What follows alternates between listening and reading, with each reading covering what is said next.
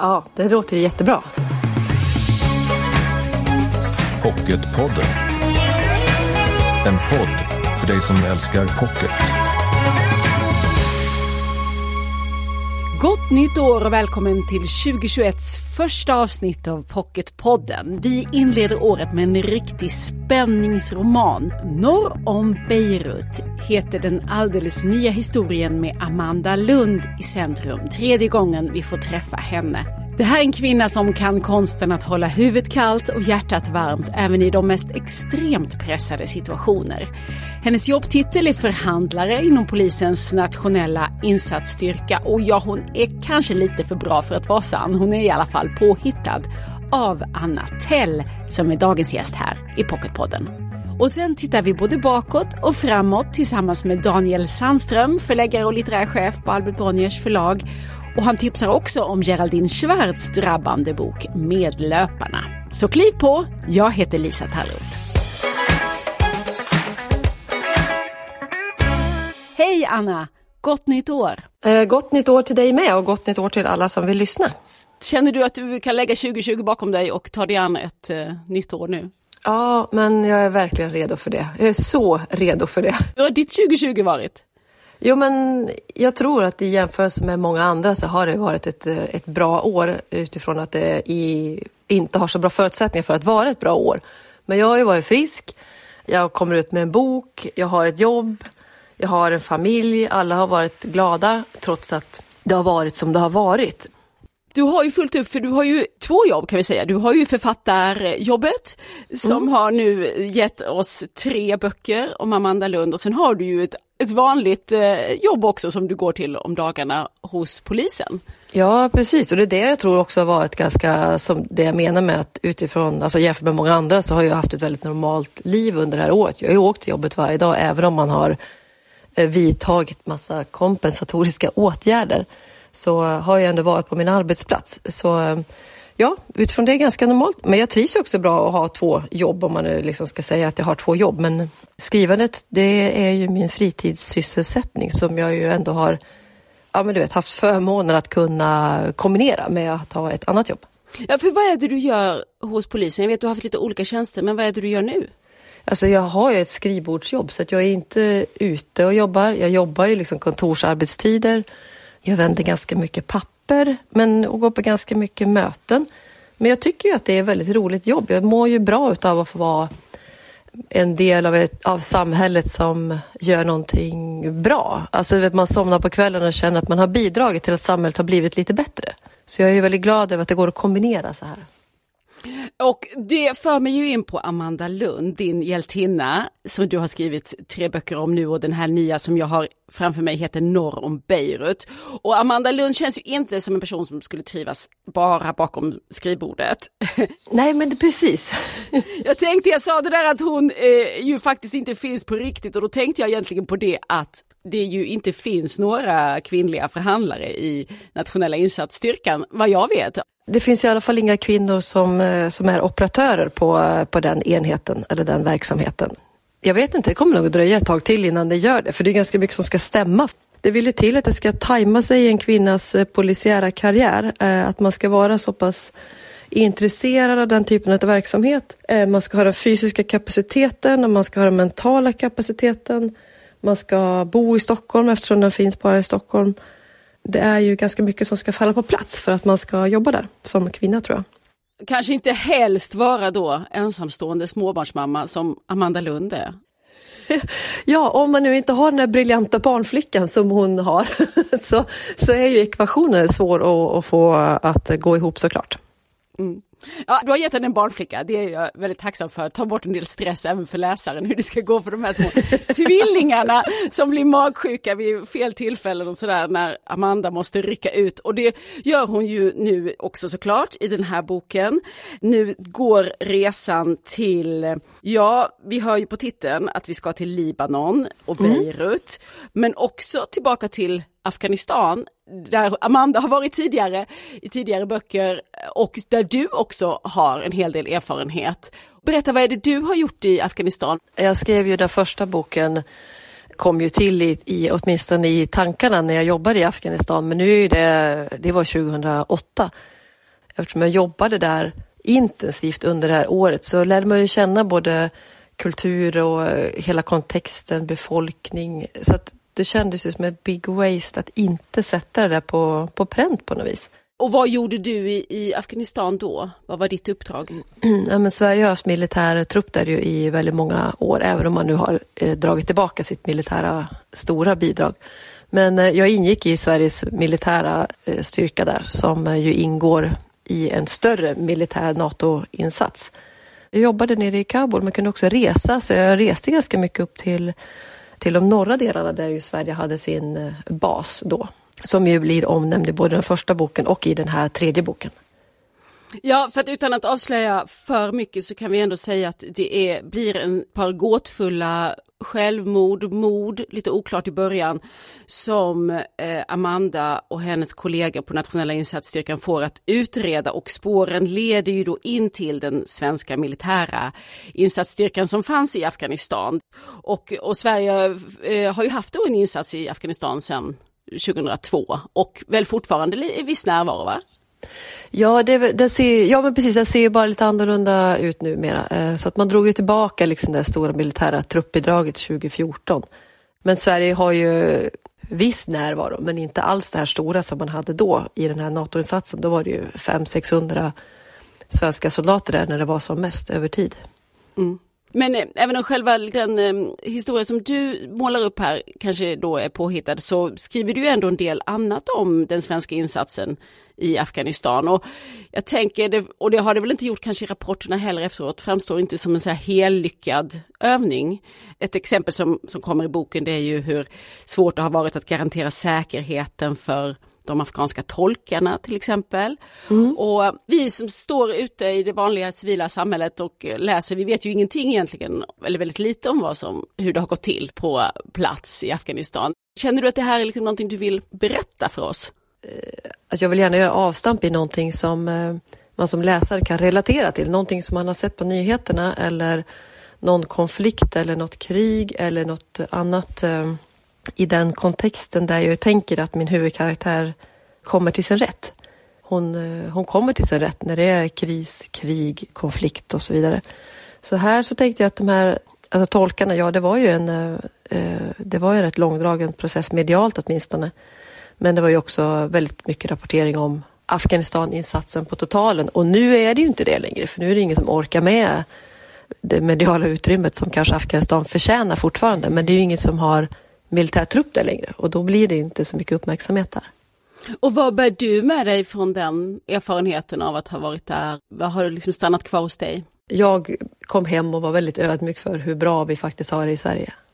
Så det är väl egentligen den, den stora behållningen. Men man får ju lite bredare referensramar själv, man får ett djupare perspektiv.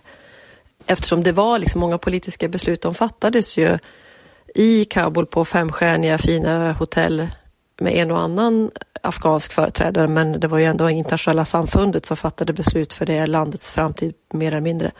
Men nu när vi inte är kvar där längre, det har ju inte blivit särskilt mycket bättre för lokalbefolkningen i Afghanistan.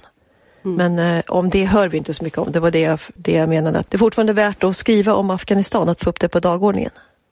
Ja, det vi hör mer om nu, eller i alla fall har gjort de senaste åren, det är ju flykting strömmarna som har varit från Afghanistan och du följer ju en sån också. Som du sa så varvar du berättelseperspektiv i boken här. Så att, och en tråd är en sån här flyktinghistoria mm. där vi rör oss och följer en kvinna från Afghanistan, alla stopp på vägen, Turkiet, Grekland, Ungern och så småningom till Sverige.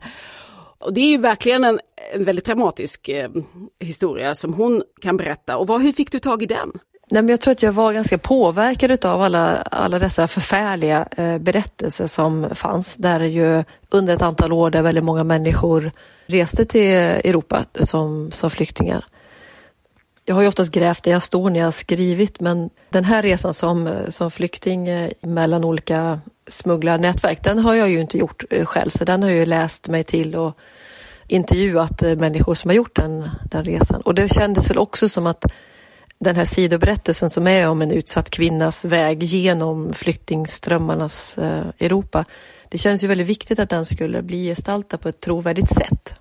hur känner man i, i det landet när man kommer dit? Är man då hoppfull om att det kommer gå hela vägen? Eller vad är de största utmaningarna när man sitter i, i de här länderna som är i Europa, men som Serbien och Ungern där man absolut inte känner sig, som, känner sig särskilt välkommen som flykting?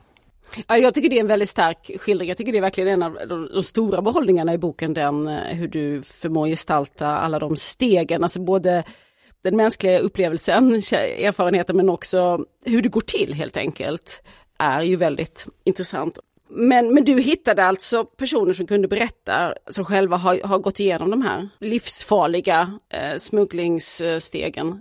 Ja, jag hade träffat en person som har eh, rest då den här vägen. Så då, då frågade jag honom om inte vi kunde träffas så jag kunde få liksom ställa frågor kring den berättelsen jag hade gjort och ställa lite så kontrollfrågor till honom. Är, är det så här, har jag uppfattat det rätt? Och då sågs vi kanske två, tre timmar och jag fick liksom, ja men du vet vilket smugglingsnätverk tar emot där, vad kostar det? Hur lång är den här färden? Var är det man blir strandad? Vad gör man då? Vad lyssnar man på? Vad tänker man? Vad är det som är farligast? Och föder man barn längs den här resrutten, hur gör man hur gör man ja, då? Hur gör man? ja, men verkligen, hur gör man då? Eh, så att jag fick ju en väldigt, eh, alltså definitivt en väldigt levande berättelse från, från honom och då kändes det också som att eh, jag ville använda möjligheten att få berätta hur livet är för många, för många flyktingar. Och det är fortfarande så att det drunknar människor på havet. Men eh, det rapporteras ju inte jättemycket om det längre. Mm. Ja, överhuvudtaget tycker jag att det känns som att du har varit väldigt noga med detaljerna och researchen. Det är en väldigt solid story och ett annan plats som du verkar kunna utan och innan det är ju Beirut. Libanons huvudstad där en del av eh, berättelsen utspelar sig. Eh, jag har aldrig varit där men du verkar känna gatorna och kvarteren som din egen ficka. Hur kommer det sig? Nej, men alltså jag har en, jag har en förkärlek till Mellanöstern eh, och en internationell arena, så jag vill ju liksom placera Amanda i, i den regionen, men ändå någonstans där det liksom är, är tillgängligt. Eh, och Libanon är väldigt tillgängligt, tillhör ju Mellanöstern, men det är ju lilla Paris, man kan ju åka dit som turist. Och det jag också har insett under åren som jag skrivit om Amanda Lund är ju att när hon kommer till sin rätt, det är också i andra länder där hon kan operera under radarn lite mer på egen hand. För när man gör motsvarande hemma i Sverige, då är det lite svårt att gestalta det här som, det ska vara en trovärdig berättelse, men det är ju inte i verkligheten samma person som driver en utredning, som griper en person, som gör en husrannsakan, som ansvarar för den tekniska undersökningen. Men i många böcker och filmer så måste man ju skriva det på det viset för att det ska vara spännande för läsare och, och tittare. Ja, hon går lite över eh, skacklarna där och ja, precis. reglerna blir lite mer tänjbara. Men, men jag tänker ändå på att hon funderar ju också på vad hon får och inte får och kontakten tillbaka med sin chef i Stockholm och sådär. Så att, tänker med tanke på att du ändå vet så väl hur regelverket ser ut, har det här varit liksom lite frustrerande eller lite svårt för dig att, att bara, nu får det vara fiktion här, nu får jag hitta på Ja, nej precis, exakt. Nej, men jag tror också liksom att jag har ju, eftersom jag kan skriva utifrån min egen eh, plattform där jag är själv polis i grunden, då, då vill jag inte skriva någonting som jag inte vet skulle fungera i verkligheten. Men åker man på ett enmansuppdrag till Libanon då vet man ju att ja, men här, eh, här finns det ju inga riktigt skrivna regler. Hur ska vi genomföra det här?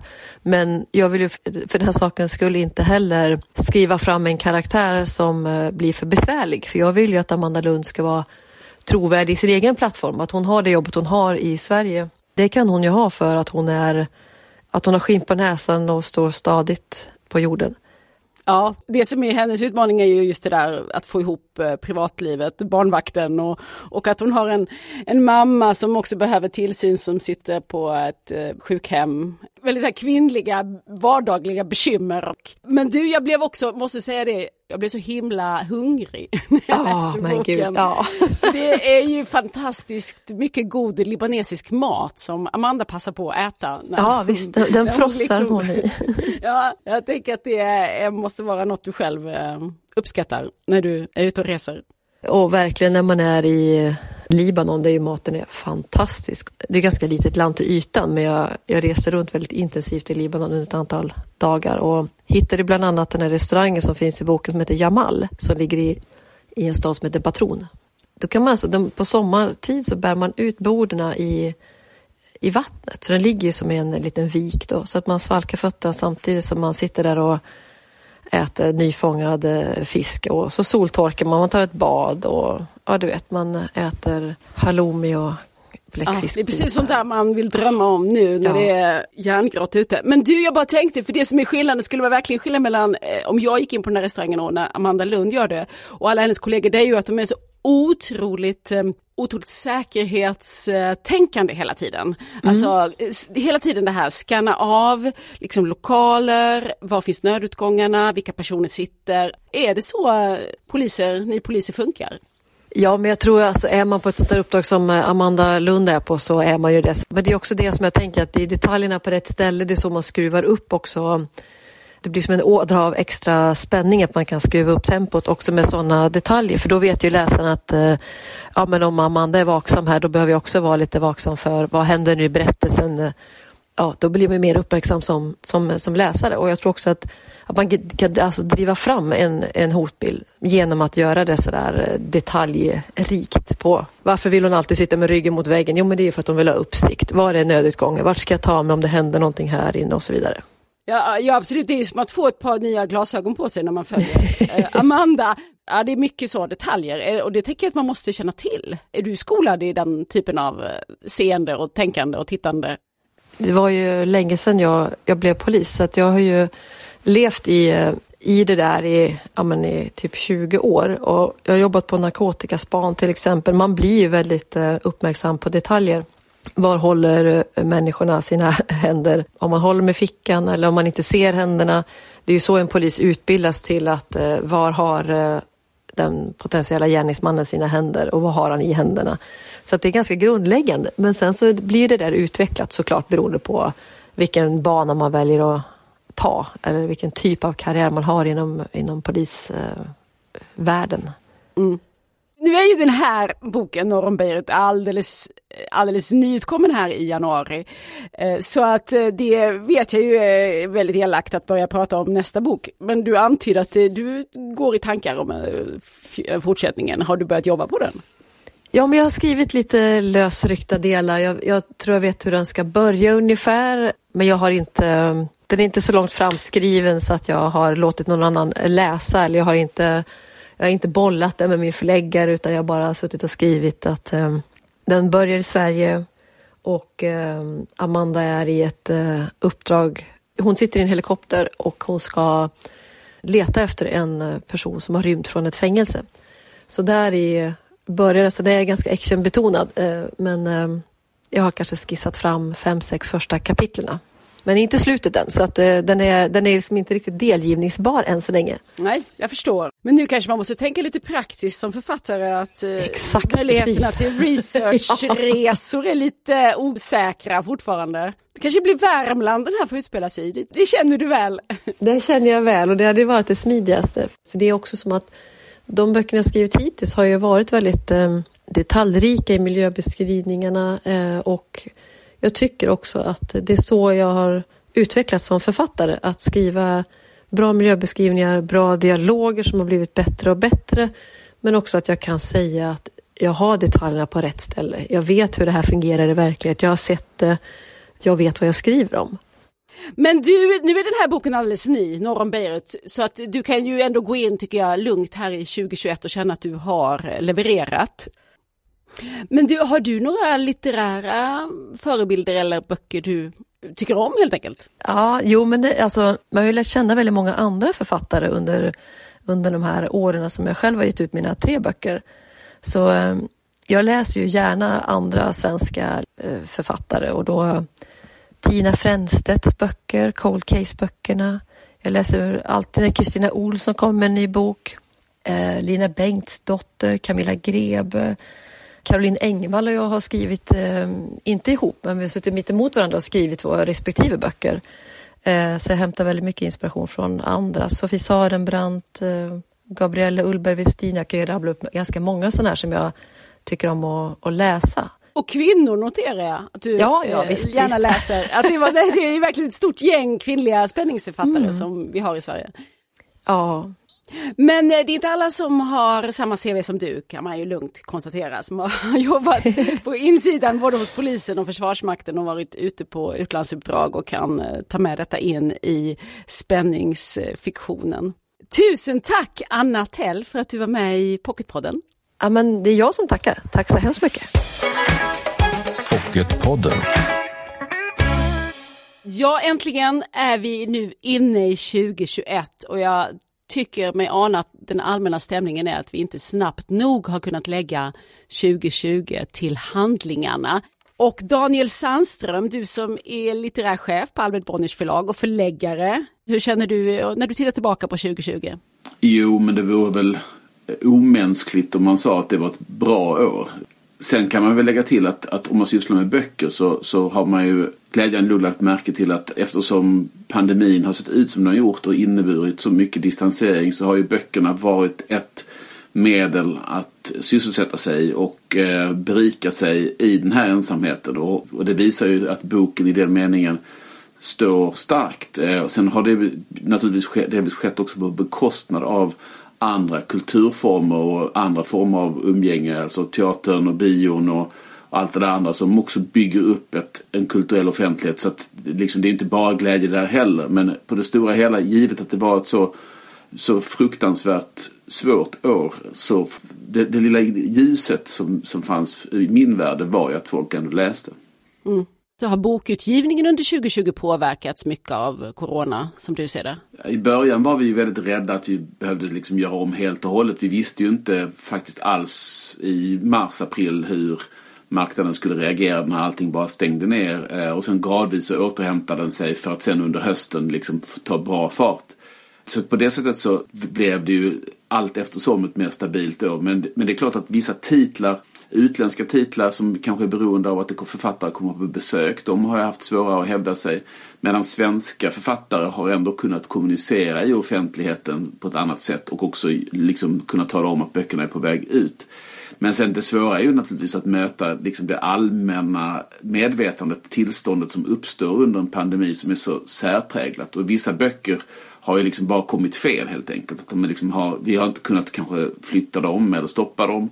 Men de har inte liksom berört rätt saker. Vi har, de är liksom kanske beslutade ett och ett halvt, två år tidigare att de ska komma ut och sen så kommer de liksom rakt in i pandemin. Och, det, och då kanske, om det gäller vissa frågor som, som, som drunknar i det där. Eh, sen har du andra böcker som på något sätt blir ännu mer passande till pandemin. Alltså katastrofskildringar, skildringar av undantagstillstånd och så vidare som plötsligt känns liksom som de är skrivna för pandemin fast de är naturligtvis skrivna egentligen innan pandemin.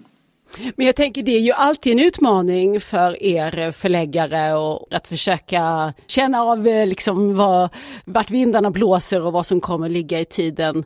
Tycker du att liksom det har varit speciellt med pandemin har liksom det allmänna medvetandet som du sa, har det varit ännu mer liksom påverkat? Jo, det tycker jag nog. Alltså, man märker att vissa frågor, nu har vi inte någon bok, har inte haft någon bok under hösten som har handlat om, om klimatfrågan till exempel. Men man har ju känt att klimatfrågan som var så fruktansvärt het 2019 plötsligt bara liksom försvann i pandemin. Att, liksom, att det är uppenbart att världen inte riktigt klarar av att ha två katastrofer i huvudet samtidigt. På det sättet så det finns väldigt tydliga exempel på att, att eh, pandemin är liksom en, både en game changer men också en, någon som tar all, allt syre. Då är ett annat exempel eh, den politiska situationen i världen, den ökande populismen, den typen av kriser som vi ser i samband med Brexit eller det amerikanska valet. Även de händelserna har ju bleknat av pandemin och det är det som gör det svårt också tycker jag inför 2021 att liksom bedöma vi var nog på väg till någon slags, eller skifte i alla fall, de här åren mellan 2016 och 2020, om man kan säga det för Trump-åren, som hade liksom blivit allt mer polariserade, allt mer upphettade. Den utvecklingen stod nog ändå inför någon slags förändring och den förändringen kom väl med pandemin och därför blir det väldigt svårt att säga om vad som ska komma efter det, alltså 2021 och framåt.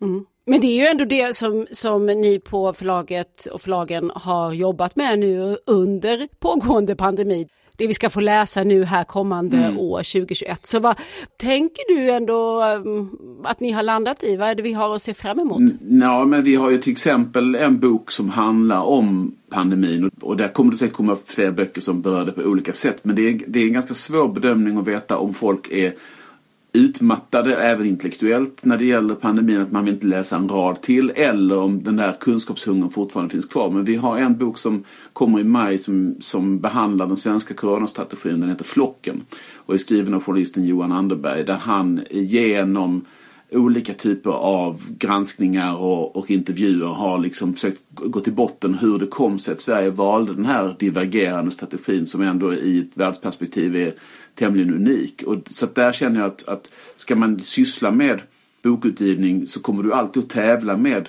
journalistiken. Så det gäller att, att på något sätt adressera frågan på ett sätt som har som klarar av att konjunkturerna i, liksom, i intresset skiftar och den här frågan, till exempel den svenska strategin, den kommer vara så avgörande för pandemibekämpning framöver och för så många olika saker i svenska eh, debatten. Att, att på det sättet så känns det som en viktig bok. Mm. Var är vi på väg med, var är fiktionen på väg? Var är skönlitteraturen någonstans 2021? Jag, jag tror att man redan 2020 kan säga att det här fantastiska genombrottet som samlade verk fick. Eh, Lydia Sandgrens. Mm. Ja, Augustvinnaren. Jag tror att den markerade en resa bort ifrån autofiktionen i någon mening. I alla fall den, liksom den här väldigt eh, tydliga autofiktionen där, som kommer liksom post Knausgård och även Stefan Lindbergs Splendor som också blev Augustnominerad som också driver egentligen med den autofiktiva genren markerade också tror jag en resa därifrån.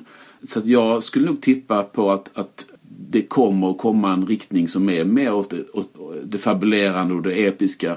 Och kanske hänger det också ihop med, med pandemin. Att, att när du, hela pandemin är ju som en någonting som, som övergår vår fantasis förmåga. Vi hade inte kunnat egentligen föreställa oss att det här sker. Vi var, och vi hade också varit ganska inriktade på, på självframställningen och det vardagliga. Och jag tror kanske att, att eh, pandemin förstärker eh, skiftet från det autofiktiva och det, det biografiska. Det kommer att finnas på andra sätt men det är en sån trend. Sen, en annan trend som jag tror också är att under svåra tider så uppstår en, ett stort behov av av saker och ting som är ren och skär eskapism eller som i alla fall inte är lika illavarslande som, som det vi har varit med om. En gigantisk hit i England under hösten är ju Richard Osmans bok Thursday Murder Club som är eh, egentligen en slags eh, Agatha Christie-variant fast som utspelar sig på ett, på ett, som ett hem för pensionerade. Eh, och den boken har ju sålt en miljon exemplar i England under hösten och vi ger ut den i i vår. Och det, det, det, liksom, det är just den här reaktionen att, att när man lever i isolerade tider och så svåra tider som under en pandemi så, så behöver man helt enkelt ha eh, någon slags eh, flyktväg in i, i en annan typ av fiktion. Den, den succén tyder på det. Mm. Ja, det finns ju inga skarpa gränser här mellan ett år och ett annat när man talar om litterära trender. Men om vi ska titta tillbaka lite på 2020, några highlights som du kommer eh, bära med dig tror du? Jag tyckte det var ett starkt år för svensk romankonst överlag. Jag tror att det hänger ihop också kanske med att konkurrensen såg lite annorlunda ut. Det var ju ingen bokmässa, det fanns inga utländska besök. Babel kunde egentligen bara intervjua svenska författare och så vidare. Men också kanske en, en som jag sa innan, en återgång till romanläsandet. Eh, stora romaner, Claes Östergrens Renegater, som också är en slags uppgörelse med det autofiktiva, fast väldigt mycket en roman. Den, det är 750 sidor som ändå folk glatt läste. Så jag, jag tror att den trenden kommer att hålla i sig. Sen så av stora släpp, vi såg ju att Barack Obamas självbiografi Ett Förlorat land blev ju en stor händelse på alla sätt och vis. Den får man ändå säga liksom, kanske var det på ett globalt plan den bok som gjorde störst avtryck. Och en annan bok som kom 2020 som också ligger i det här, eh, om inte självbiografiska, så i alla fall ett eh, reportage, dokumentär, ett sanningssökande mm. är det ju definitivt som mm. Geraldine Schwartz har sysslat med i sin bok Medlöparna. Mm. Den kom eh, i början av 2020 och finns nu aktuell som pocket. Och här går hon till botten med sin egen europeiska släkt och framförallt vad den tyska sidan gjorde under kriget. Berätta lite om den boken. Men det är, det är ett bra exempel på det du frågade om tidigare, nämligen hur ska man tajma en utgivning av en bok särskilt när man köper den från ett annat språk, ska översätta den så ska den möta en politisk utveckling. Därför att Charlene Svarts bok som kom ut 2018 i Frankrike var ju ett svar på den ökade nationalismen, populismen i Frankrike, Tyskland, Österrike, AFD i Tyskland, Brexit, Ungern. Hela den här återkomsten för en populism och nationalism med ganska farliga förtecken, eller illavarslande förtecken. Så att den, det var ju en berättelse som, som kom ur, ur samtiden men som också kopplar ihop samtiden med historien. För vad hon gör är att hon går tillbaka till sin egen släkt. Hon har, hennes pappa var tysk och hennes mamma eh, var fransyska.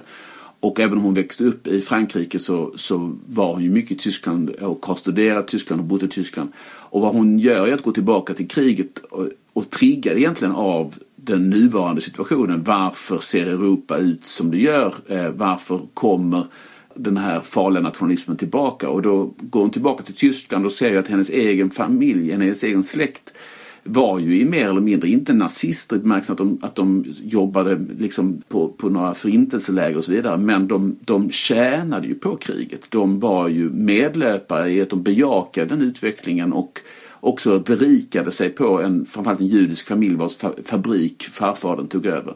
Men den här frågan var ju ingenting som levde vidare i hennes släkt utan den hade eh, egentligen tystats ner eller försökt glömmas bort och, och sen började hon rota i den varför har vi inte pratat om detta? Och på samma sätt så hade hon på sin franska sida, hennes morfar hade jobbat som gendarm under Vichy och helt enkelt varit egentligen en, en delaktig kollaboratör när det gällde att samarbeta med tyskarna eh, också under kriget. Och det var en fråga som var ännu mer kanske tabu i Frankrike än i Tyskland därför att som, som segermakt så hade man inte diskuterat i Frankrike på det sättet. Så att hon, genom sin egen historia så går hon till botten till hur hanterar man arvet från andra världskriget? Hur bemöter man det och hur, hur egentligen gör man det på ett ansvarsfullt sätt? Det är den viktigaste frågan hon ställer. Mm. Och i de här olika kategorierna av krigsbrott så var ju medlöparna det minst allvarliga tänkte sig ockupationsmakten medan hennes poäng tänker jag är i själva verket att det kanske är den, några av de viktigaste brottslingarna, de som bara var medlöpare. Ja, alltså i den meningen så poängterar hon ju att varje eh, diktatur behöver ju ett slags tyst medgivande. Små erkännanden dagligen där man går med på förändringar i till exempel attityden mot judarna. Som kan ske därför att folk inte protesterar tillräckligt mycket eller att inte markerar sitt avståndstagande tillräckligt starkt. Och i den meningen så är ju medlöparna förutsättningen för en kultur även om de inte går i, i fronten för den förändringen. Mm. Geraldine Schwarz, alltså Medlöparna som nu är aktuell som pocket. En bok som kom på svenska förra året. Och du Daniel, du nämnde ju några saker som jag förstår att du ser fram emot 2021. Både reportageboken, den dokumentära granskningen Flocken om den svenska coronastrategin och du nämnde den här brittiska deckaren, pusseldeckaren, vad ska den heta på svenska? Torsdagsmordklubben kommer den långa titeln bli. Men finns det några svenska romaner som eh, vi kan se fram emot 2021? Jo, det, det finns det absolut. Det finns eh, böcker av eh, Anna-Karin Palm och Niklas Rådström. Nu på våren Åse Berg, Hans Gunnarsson, Malte Persson, diktsamling. Ja, det finns hur mycket som helst många starka namn på spänningssidan. Bland annat Jens Lapidus, Kristoffer Karlsson och senare Anders Roslund och en rad intressanta debutanter. Eh, Sara Osman eh, bland annat som jag tycker man ska hålla ögonen på. Och det är nästan faktiskt svårt att välja tycker jag som litterär chef för att det blir, vi har en så pass rik utgivning att man vill egentligen lyfta fram allting. Och det här mötet med läsarna som många författare har saknat eh, under året, det har vi ju hört inte minst här, alla jag har träffat i Pocketpodden, att de saknar sina läsare. Vad, vad, vad tror du om det 2021? Nu får du, får du väl gissa lite också. Jag tror att det blir fortsatt ett år där man kommer att behöva trolla med knäna för att nå ut till läsarna. Digitala former kommer att dominera in på höstkanten och då kommer det gradvis kanske att lätta upp. Men jag tror ändå att stora folksamlingar, det kommer att ta en tid innan vi är bekväma med att mötas så som vi gjorde innan pandemin. Så att jag räknar med att hela 2021 kommer också vara ett slags undantagsår som kanske går över till ett, ett, en nystartsår egentligen.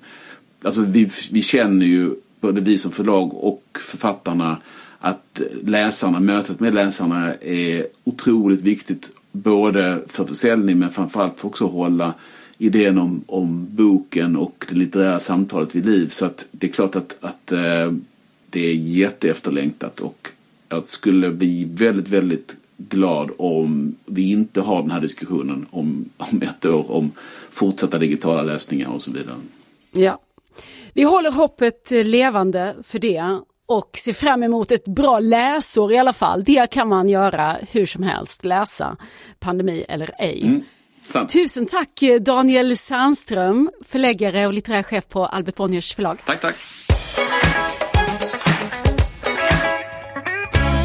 Ja men det ser ju ut att bli ett riktigt bra bokår 2021 oavsett allt annat. Så häng med mig här i Pocketpodden. Nytt avsnitt varje fredag.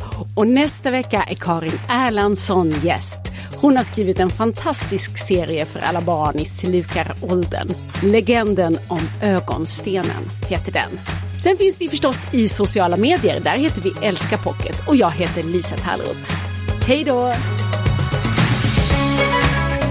Du har lyssnat på Pocketpodden. En podd från Bonnierförlagen.